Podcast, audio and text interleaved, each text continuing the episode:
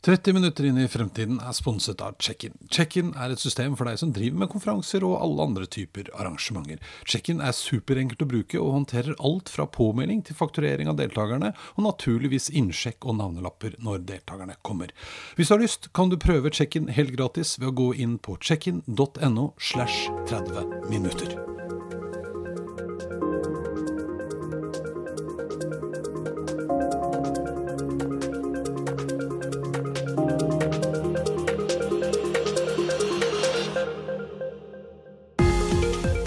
Er vi flinke nok til å anerkjenne folk og gi dem den tilliten de fortjener? Hva er det som trigger folk? Er vi bare på jakt etter penger og belønning, eller er det noe annet også? Det viser seg i hvert fall at vi må være utrolig bevisste på hva vi gjør for å få det beste ut av folka våre. Dagens gjest har tidligere vært min sjef og er en av mine store forbilder når det kommer til nettopp ledelse. Når han tok over som sjef der vi jobba sammen, innførte han begrepet vesentlighet, som handlet om at absolutt alle i hele selskapet var mer enn i stand til å vite hva som var vesentlig. Og denne tilliten var det åpenbart at vi skulle ha til hverandre. Han heter Ole Morten Damlien og leder i dag Iteras avdeling for kundeopplevelse og forretningsutvikling. Dette er 30 minutter inn i fremtiden, og jeg er Eirik Normann Hansen. Hei, Ole Morten. Hei, Eirik. Velkommen til meg. Takk. Du, nå, vi ser jo hverandre sånn i ny og ne. Ja, vi gjør det, Men vet vi har jo en historie. Du har jo til og med vært eh, Eller først så var vi som de to som satt bakerst ved siden av hverandre i lokalet til Kruna. Ja. Og så ble du plutselig sjefen min. Det var litt av en episode. Ja, det, da tenkte jeg å nei, hva har jeg sagt og gjort? Ja. Nei, ja, men det gikk fint. Ja, Ja, vi hadde det veldig bra. Ja. Men uh, nå er du ikke i Kruna, nå er du et helt annet sted. Jobber i Itera. I Ja, Ja, Der leder jeg da forretningsutvikling og den kreative delen. Ja. Experience kundeopplevelse. Altså. Kundeopplevelse. Ja.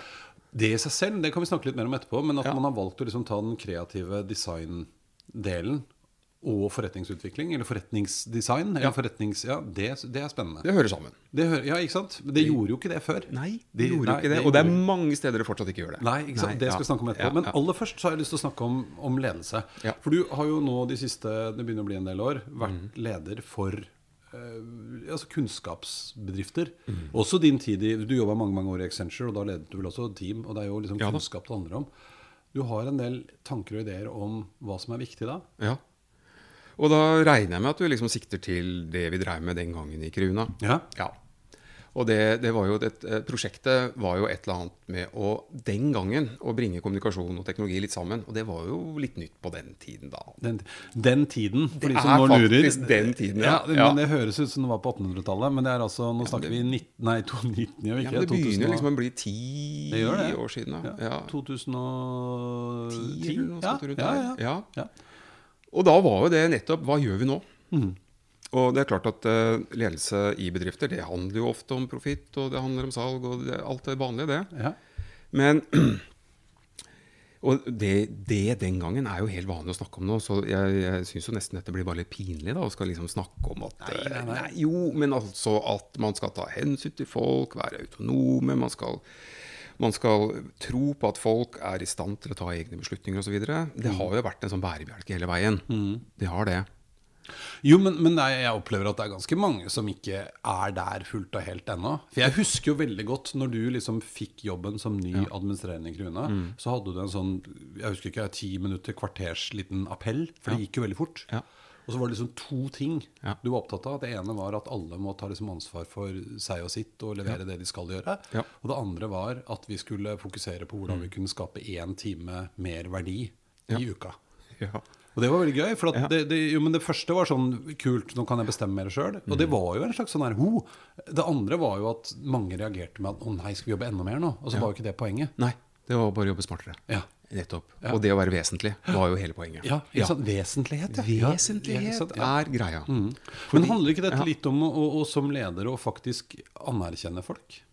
Jo, det er jo noe med å tro på at de du har ansatt i en kunnskapsbedrift, faktisk er voksne mennesker. Ja. De har med seg sine verdier, de har den kunnskapen som trengs. Mm. Sånn at derfor er de mer enn i stand til å ta sine egne beslutninger. Og det er de som sitter midt i det, Ja. uh, som kan gjøre dette. Og her er det jo sikkert mange som kjenner til nye teorier omkring Team of Teams, mm. som har vært veldig på moten om dagen, som er forferdelig vanskelig å implementere. Mm. Uh, som jeg, jeg kjenner til hvor vanskelig det er. Uh, Jeg kan jo dra litt om det. Kjenner du til Team of Teams? Nei, kjør på. Nei, dette her er jo tilbake igjen til eh, det amerikanske forsvaret, som fikk en helt ny type krigføring. Det var general McChrystal som så at han var nødt til å gjøre noe med hele sitt hierarkiske militærapparat, fordi fienden, som var Al Qaida, de gjemte seg i fjellene. Eh, Det ble altfor lange og store prosesser, og de mista veldig mye etterretningsinformasjon på veien. De fikk aldri tak i folk. Og rett og slett så har de da gjort om hele strukturen til at det er de som er nærmest selve operasjonen, i dette tilfellet da et lag som skal rett og slett da ta ut, eller rett og slett ja, drepe eh, Al Qaida-folk. Det er de som er nærmest beslutning. Det er de som vet hva de må gjøre. Og innad i teamene, disse autonome teamene, og det er her det begynner å bli interessant, for dette skjønner jo alle, hva er det som skal til for at de autonome teamene skal virke?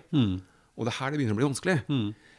Blant annet så sier man at i de mest drilla autonome teamene i, i Team of Teams-teorien, eh, der er det ikke engang en dedikert leder. Den som er leder, det er den som til enhver tid kan mest. Og så kan man tenke sånn at jo, det kunne man ha sagt på forhånd, og så bare gjør vi det. Men eh, ideen, for, eller hele prinsippet for å få det til, er jo å øve. Ja, øve, øve, øve, øve. Og igjen, hvis vi tenker tilbake til tiden vår i Kruna, så handla det jo mye om å øve. Mm. Vi snakka om at vi skulle få nettopp teknologi og, og, og kommunikasjon den gangen av olje og vann til å bli sammen. Vi skulle være in såkalt integrerte. Øve. Øve, øve, øve. Vi må lage sosiale kontrakter oss imellom. Teamene må bli kjent med hverandre. Vi lagde en felles kantine, vi hadde en kokk. Alt handla om å tilrettelegge sånn at de mellommenneskelige forholdene ble best mulig. Vi lagde lokaler der siktlinjene var veldig viktig. Det handla ikke bare om farge på stolene eller at det skulle være kult eller industrilukke osv. Det handlet om at vi hadde siktlinjer som gjorde at vi kunne se medarbeiderne våre. For det var bare Ja, avbryter deg, for det ja. husker jeg var veldig morsomt. Jeg, min rolle var, jeg var jo markedsdirektør. Ja. Og så hadde jeg en del å gjøre med, med Joakim, som var uh, CTO-en vår. Teknologidirektøren. Og i de gamle lokalene så satt vi i hver vår etasje. Og vi måtte drive og booke møter for å snakke sammen. Eh, og det ble jo aldri noe av. Ja. For det, det passa aldri. Og så flytta vi til de nye lokalene hvor vi faktisk kunne se hverandre. Og interaksjonen mellom oss da, den økte voldsomt. Ja. Og så på gøy så målte vi opp en gang. Og faktum var at det var mye lenger i meter i de nye lokalene, men vi kunne se hverandre. Enn i de gamle lokalene, hvor vi satt rett ved trappa begge to. Men man gikk ikke opp på den trappa. Vi, Man kal så ikke vi kalte jo Dødens trapp. Dødens trappe. Ja. ja. Men det er interessant. Ja. Og husker du den gangen vi faktisk ble intervjua av Forester Research? Ja, det kom rett og slett en fyr fra Forest Research for å intervjue oss på hvordan vi kunne utnytte lokalene bedre. For å få bedre inntjening, Uh, mer kundetilfang, bedre samarbeid, mer effektivitet. Mm. Og det var jo også i en sånn coworking. For den, den Ja. siste dimensjonen som vi ikke har snakket om nå, uh, var jo òg hvordan vi, vi ønsket å integrere kunden i dette. Ja. At kundene skulle komme til oss, og at vi sammen løste ting. Og ideen da er så enkelt som et hjem. Mm. Når er det du syns det er hyggelig å få besøk? Det er hvis du har det fint. Mm. Du trives, du har god atmosfære. Det er et eller annet med å få lov, ha lyst til å invitere noen hjem til deg selv. Mm. Og da behøver det heller ikke å være fancy stoler eller spesielle møbler. eller noe sånt. Det må bare være en atmosfære. Ja. Du må ha selvtillit og du må ha en harmoni som gjør at du får lyst til å invitere folk. Og det merker man med en gang. Husker du frokostseminarene? Det var jo Mm. Ja, ja. 300 stykker. Ja. Vi ble jo litt snurt hvis ikke det kom mer enn 250. jo, men, men det var jo fordi vi fikk til noe. ja. Eh, og så var det sikkert masse vi ikke fikk til òg. I all vår utilstrekkelighet så var det selvfølgelig masse! Men det var veldig interessant, og det var veldig gøy å se at det funka. Men, men hvorfor tror du det er så vanskelig? For jeg husker at vi eh, altså vi, vi, vi hadde jo veldig forskjellige miljøer. Vi Mm. hadde teknologimiljøer, vi hadde designmiljøer, vi hadde eh, konsulentmiljøer. Altså vi hadde veldig forskjellige miljøer, og de trigges jo veldig forskjellige ting. Mm. Ja. Eh, og det bare i seg selv gjør jo at det kan være vanskelig å liksom, finne én fellesnevner. Mm. Eh, trenger man at alt skal være likt, liksom? For alle? Jeg skjønner at det er enkelt. Ja, og jeg tror det er grader av det. da. Mm. Så jeg tror at Hvis vi drar ut hele spekteret av Hvis vi tar, hvis vi tar ut over kunnskapsbedrifter og sånn, så tror jeg i hvert fall ikke det er riktig å ha alt likt. Det er i hvert fall ikke riktig. Nei. Men så er det da graderingene innenfor kunnskapsbedrifter igjen. Og jeg tror ikke det er sånn kjempeforskjell nødvendigvis fra mellom de ulike kreative grenene osv. Men jeg er jo hellig overbevist om at eh, den bakgrunnen som f.eks.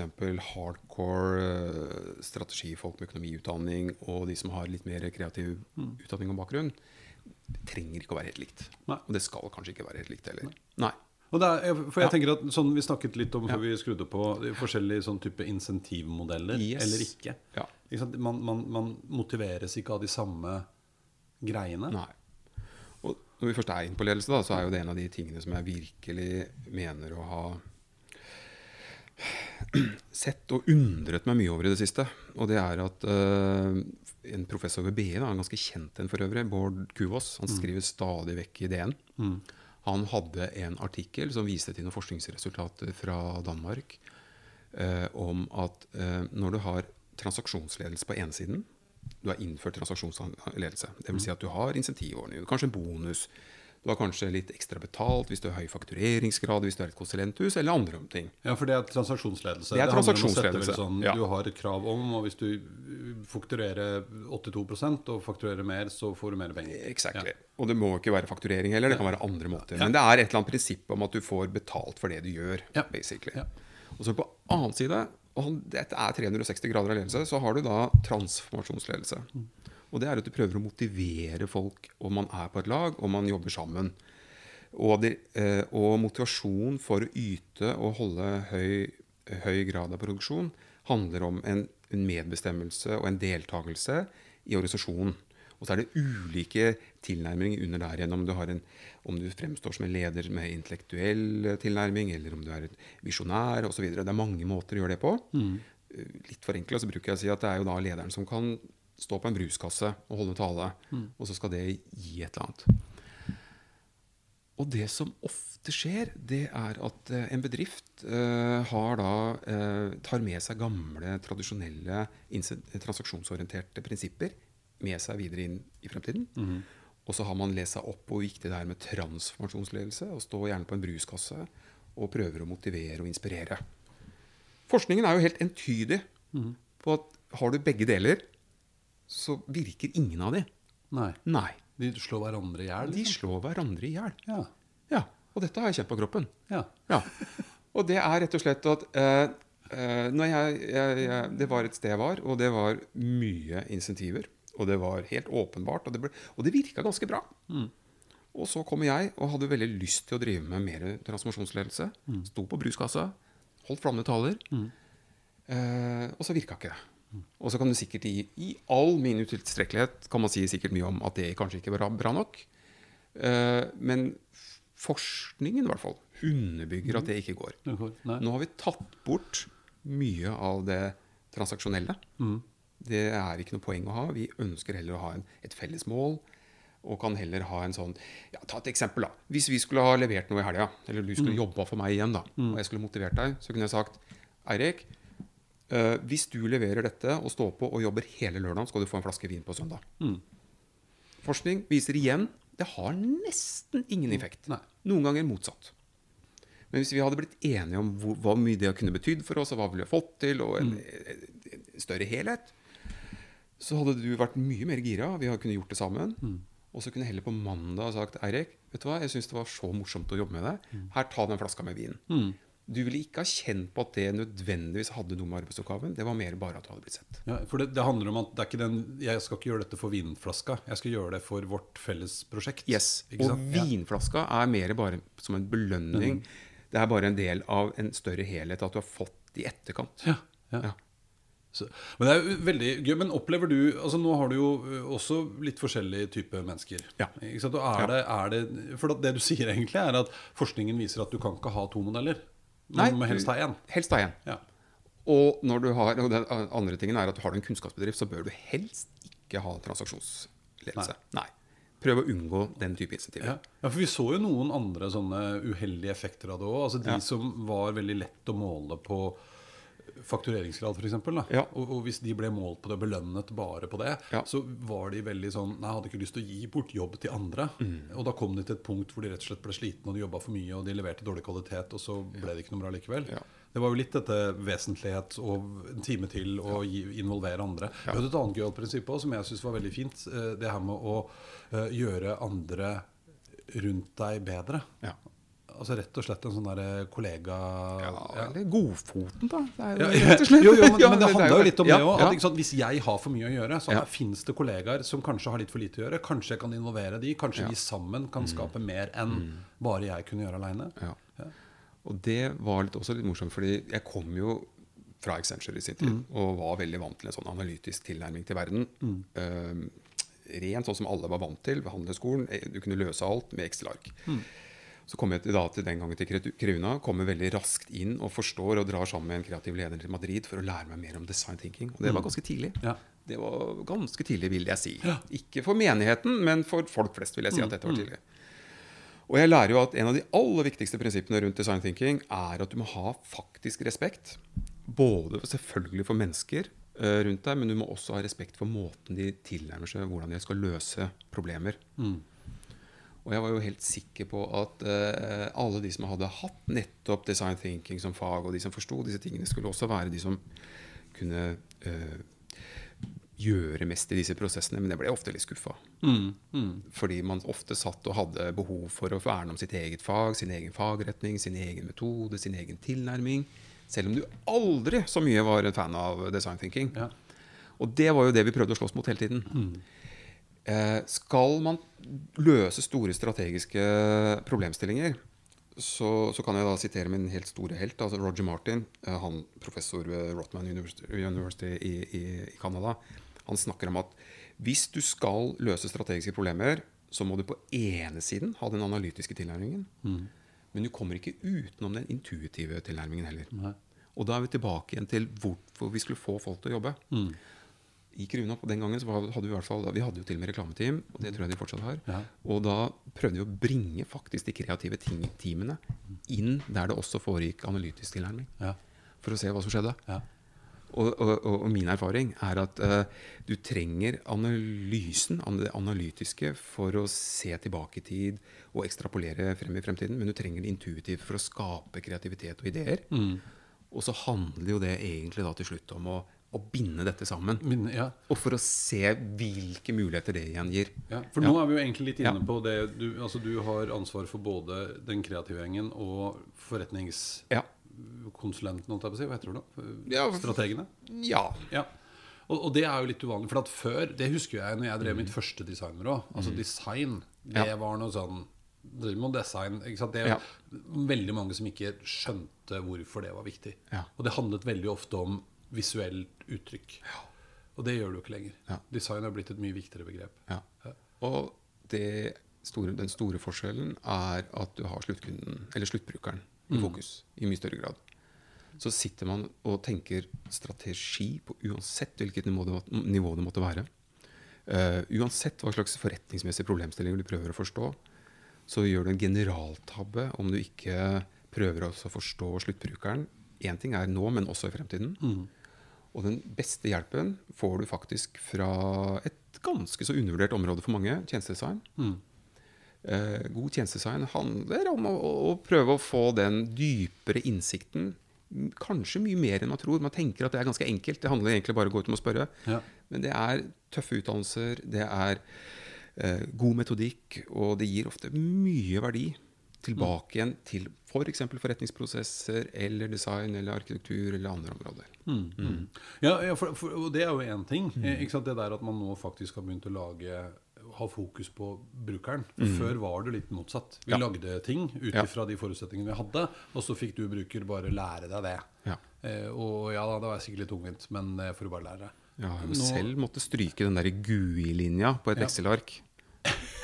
Ja, for det driver Det vi ikke med. Nei, Nei det, det, vi det gjør vi ikke. Den svarte skjermen får de ta. Ja. Ja. Men, og nå, nå går jo dette liksom ikke bare i møte med sluttbrukeren, men gjennom hele, Hele eh, verdikjeden. Ja. Eh, men så tenker jeg også at vi Og det er jo litt et resultat av tiden. Da. Mm. Vi står jo nå overfor helt nye utfordringer. Problemer som kan virke helt umulig å løse. Mm. Og da kan man ikke bare gjøre det vi har gjort fram til nå, litt bedre. Som liksom har vært litt sånn i vår natur å gjøre. Da må du tenke helt nytt. Da. Det er vel litt der hvor designgjengen, altså Wicked Problems og tjo og hei, det er du veldig glad i. Ja, veldig glad. i.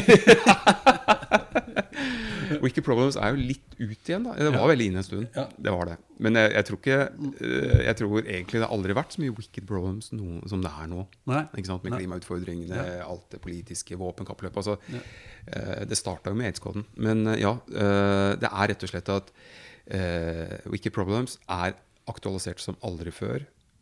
Eh, før så var det bare sett på som de store globale utfordringene. Men trenden er at selv bedrifter, store bedrifter, og til og med mye mindre bedrifter, har wicked problems. Og wicked problems, eller disse besværlige problemene, er jo noe med at de- er uløselige i sin natur. De er egentlig bare fulle av dilemmaer.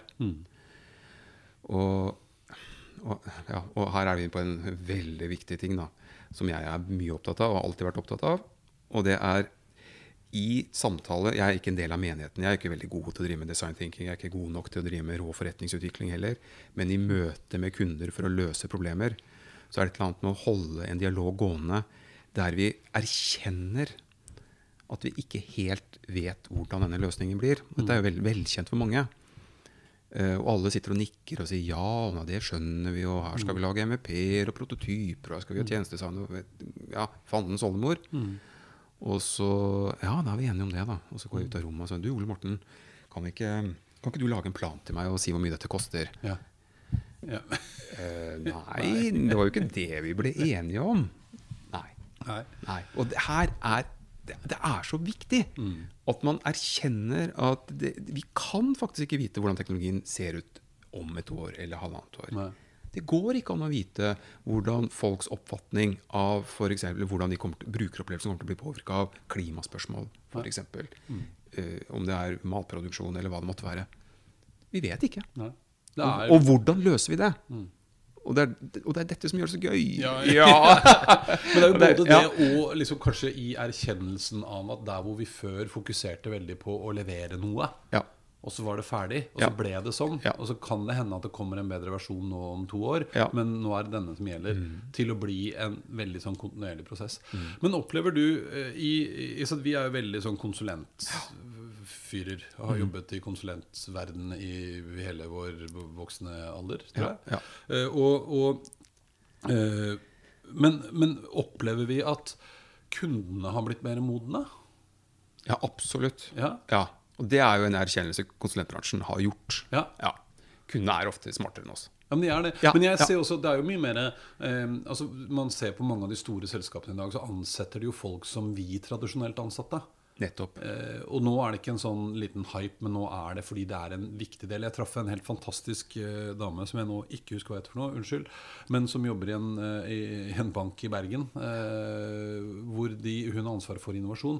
Eh, Og hun hadde bare ansatt nå ikke sant, eh, brukeropplevelseseksperter, eh, et par sosialantropologer, eh, tallknusere og analytikere. Hun hadde ansvar for nå flere, mer enn halvparten av alle de ansatte i banken. De gamle bankansatte de er der fortsatt. Hun har flere mennesker. Hun hadde jo egentlig laget et byrå. Og hun er jo ute og handler fra andre konsulenthus. Man treffer jo en litt annen liga folk. Det er en kjempeutfordring. Det er bare å erkjenne. Mm. Ja. Mm. Når vi møter kunder, de er altså så flinke. De er så oppleste. Eh, Det har jo vært veldig populært å dra på denne her Silicon Valley-turen. Mm. Det er jo ikke alle konsulenthus og alle konsulenter og alle rådgivere som har vært på den turen. Nei. Men stadig vekk så møter du kunder. Kunder har vært der. Kunder Eller har fløyet inn en eller annen professor for Stanford. Og, og, og jeg mener Sånn har det blitt. Ja. Og, og, og da, da er det bare å erkjenne i visse tilfeller. Så kan man si hei og hå, jeg vet hva du snakker om. Her er kapasitet. Ja. Ja, for det blir litt det. Innimellom Ja. så blir det faktisk Men, det. men ser vi mer sånn partnerskap? Mange av de jeg har snakket med Ja. før, de er mer opptatt av nå at vi må tørre å samarbeide mer. Den Mm. ideen om at man skal hegne om seg og sitt og ikke fortelle det til noen, den er litt i ferd med å dø. Ja. Vi må være mye mer åpne, vi må samarbeide. Noen ganger samarbeider vi med konkurrenter, andre Mm. ganger så samarbeider vi mye tettere med kunden. Eh, opplever du at det er sånn? Absolutt. Ja. Det, bare, det må bare bli sånn. Ja. Vi kan ikke lenger sitte på hver vår tue. Det, det, gir, det gir seg selv. Gir seg selv, ja, det gjør det. Men, men eh, hvis vi skal prøve å gi noe råd da, til disse som ikke er store børsnoterte mastodonter eh, Jeg pleier jo å være litt opptatt av det. men, men hvis vi spoler litt tilbake til denne ledelsesbiten. Der òg er det jo mange bedrifter. Jeg har arva sjappa etter fattern, og vi har holdt på i 100 år, og her har vi gjort som vi pleier. Hva skal man gjøre for noe? Ja, Ledelse handler, jo bare om å optimalisere ressursene sine. da. Så du har jo et sett med ressurser. Hvordan får jeg utnytta det? Og, og her er det en million, og jeg har ikke tenkt å gi noe sånn råd, men min erfaring er i hvert fall at uh, selvfølgelig det å, å tro på, på, på individene, at de er vesentlige, og de vet best selv, det, det ligger i sakens natur. Jeg tror at det er lett å organisere seg dønn i hjel med organisasjonsstrukturer hit og dit og matriser. Det fins liksom ingen grenser. Så jeg er ikke så sikker på om eh, man bør gå i den fella med å drive med det. Nei. Heller ha et utenfra og inn-perspektiv. eh, Prøve å, å, å, å mappe utsiden. Uh, og så er det den der siste lille biten som jeg, som jeg nevnte i stad, som jeg blir litt sånn overraska over at ikke folk får med seg de aller enkleste faktaene. Altså, Mulig jeg har det tilbake fra min der utdannelse som realist, altså, men, men det er Hvis nå forskningen viser at hvis du har tunge insentiv- og insentivordninger, og du prøver å være inspirerende samtidig, så slår det hverandre i hjel. Ikke gjør det, da. Nei. Nei. Å- Og det ja. gjelder jo uansett om du, du og jeg var en bedrift. Og jeg hadde lagd en ordning for deg, Eirik. Nå skal du få kjempebonus. Og så hadde du gått rundt og tenkt på den fete bilen du skulle kjøpe. Og så hadde jeg etterpå prøvd å oppildne deg da, til å gjøre en del ting. Holdt flammende taler. Eller intellektuelt prøvd å stimulere deg, eller skapt en visjon. Eller prøvd å, å lære av hverandre, eller alle, alle andre teknikker jeg måtte ha i boka. Så står du og ser på meg. Nei, men den bilen skal jeg ha. Den skal jeg ha. Det er det Det, er det, går bare ikke. men er, det ikke, er det ikke litt sånn altså Det er vel noe med det der at man, det er vanskelig å bryte ut av de der gamle mønstrene. Ting vi har gjort 100 ganger før, og det funka jo fint. Så kan vi ikke bare fortsette med det? da Ja, Ja. det er akkurat det der. Men, men det funker ikke lenger, nødvendigvis. Nei, og akkurat hvordan man skal bryte ut av det, det er den store gåten. Ja, det, det er jo noe med disse her, som du sa også, det er jo noe med disse her, uh, siloene som vi har snakka om siden jeg studerte, i hvert fall. Ja. Uh, at vi må bryte ned. Og som er forferdelig vanskelig å bryte ned. Ja, det er helt forferdelig. Ja. Men, men, øhm, og vi ser det ikke selv ofte. Det er jo Nei. kundene som gjerne ser det. Det er jo kundene som ser deg best. Ja. Som snakker med kundesenteret ditt, og kundesenteret ditt har ikke kontrakt med produksjonsdelen og, alt det der. Så det er helt vanlig. Det må vi gjøre noe med. Ja. Ja. Og det, eh, det siste jeg hadde lyst til å spørre deg om, da Nå, nå begynner vi jo å nærme oss eh, slutten, men eh, nå har vi snakket om hva som skjer nå. Ja. Det handler litt om å se folk, gi folk større ansvar. Eh, vesentlighetsprinsippet liker jo veldig godt det. Ja. Eh, men det handler jo litt om å liksom føle at man er noe. Eh, men også eh, ja, å fokusere på det. Tørre å gi litt slipp, kanskje, eh, blant folk. Ja. Men så gjør vi alt det der, og så går tida, og så ser vi fremover. Vi har store utfordringer. Hvordan ser verden ut i 2030, tror du? Jeg tenkte på det, Eirik. Og så når jeg egentlig kom fram til hva jeg mener, så tenkte jeg jeg må nesten øh, Det er jo ikke bra, for du har så positiv vri på alle podkastene dine. Jeg er en positiv fyr. Du er det. Men jeg ser ikke veldig positivt på 2030. Jeg gjør ikke det, altså. Nei, jeg tror faktisk som gammel oksonograf, og da litt sånn halvstudert på meteorologi Jeg ser de effektene som klimaendringene gjør nå. Jeg tror vi kan få en del eh, ganske kraftige sånn tilbakevirkningseffekter. Altså ikke-lineære effekter. Kanskje mye større grad enn vi tror. Det kommer til innen ti år fort til å påvirke tørkesituasjonen i store deler av Afrika og andre steder. Eh, Så det er ikke de s- regnfulle dagene og de store eh, takene, takene som blåser av, som er problemet fremover. Det er rett og slett migrasjon. FN har allerede forutsatt at det kommer et sted mellom 100 og 200 millioner klimaflyktninger som kommer til å være underveis innen 2050. Ja. For det er rett og slett fordi at de landene de bor i i dag, blir ulevelige. Ubeboelige. Ja. Ja. Men allerede i 2030, la oss anta at det ikke kommer til å gå så veldig bra, så vil vi allerede da kunne se eh, tendenser. Og hva har vi lært av 2015? Bortsett fra at det var året før da både brexit og, og Trump. Det var jo eh, bare et forvarsel på hva som skjer med det politiske klimaet Mm, mm, rundt i verden. mm. Og jeg tror ikke vi i Norge nødvendigvis kommer til å bli så veldig påvirka av alt. Men jeg er ikke veldig optimistisk. Og, og jeg har tenkt liksom på men hvorfor skal du være sånn surmaga og ikke være optimistisk? Ville du kanskje ha spurt òg? Ja. Men hva, vi har jo sittet jo Før et krakk i 29, Ja. så satt vi og så på. Det har vært to verdenskriger. Vi har andre finanskriser, globale ting. Det skjer stadig vekk. Det er ikke sånn at det alltid redder oss. Og i dette tilfellet så er jeg dessverre litt pessimist. Jeg tror at vi må tungt inn i en krise. Mm. Det kommer til å påvirke oss uh, på det politiske nivået, som igjen påvirker oss næringslivsmessig. Mm. Uh, og så kan det hende at vi klarer oss. Mm. Men jeg gidder ikke her å sitte og si at nei, dette, Dette går kom, fint. dette går fint. Ja. Nei. Altså, vi har jo vært litt motpoler mange ganger. Ja. Jeg tror jo Det er jo summen av sånne som oss som kanskje gjør at man kommer Ja. meg. Da. Ja. Fordi Jeg kjenner deg også som en fyr som ikke da tenker at så sånn går det. Så da er det det samme. Det samme kan det være. Nei, det er det vi har ikke. en jobb å gjøre. Vi har, ja! Det er det jeg mener. Du spurte meg om 2030. Mm. Ja, ja, ja. Ja, Hvis ja. du tenker sånn at du kan tjene masse penger og business. Det, har- det handler egentlig da bare om å tilpasse seg til den virkeligheten. Mm, For eksempel, jeg driver og prøver å hjelpe folk med brukeropplevelse. Ja. Eh, Brukeropplevelse, ja, det må jo ses i kundeopplevelse, og det må ses i, i forhold til brand management. Du har jo snakka om det mange ganger i uh, podkasten her. Er det, Og alle ønsker å ha en, en klimadel inn i den biten. Men hvis mitt perspektiv da går inn, ja, kanskje du må enda større grad av alvor inn i det. Ja. Kanskje du i enda større grad er nødt til å tilpasse deg den politiske situasjonen, som kanskje dukker opp om fem, seks, sju år. Kan hende. Kan hende. Kan hende. Vi møtes her igjen Ja. i 2030, Yes. og så får vi se hvordan det gikk. Husk å ha med deg paraply. Ja, fly, Nei, altså- det, det, blåser for mye. Du må ha med deg sånn ja, jeg der jeg ja. sitter høyt nok oppe. Det tror jeg jeg gjør foreløpig. Men uh, For å ikke være under vann. Men uh, vi får håpe at vi klarer å løse noen av problemene, i hvert fall. Håper det. Tusen hjertelig takk, Morten. Takk for meg. Takk.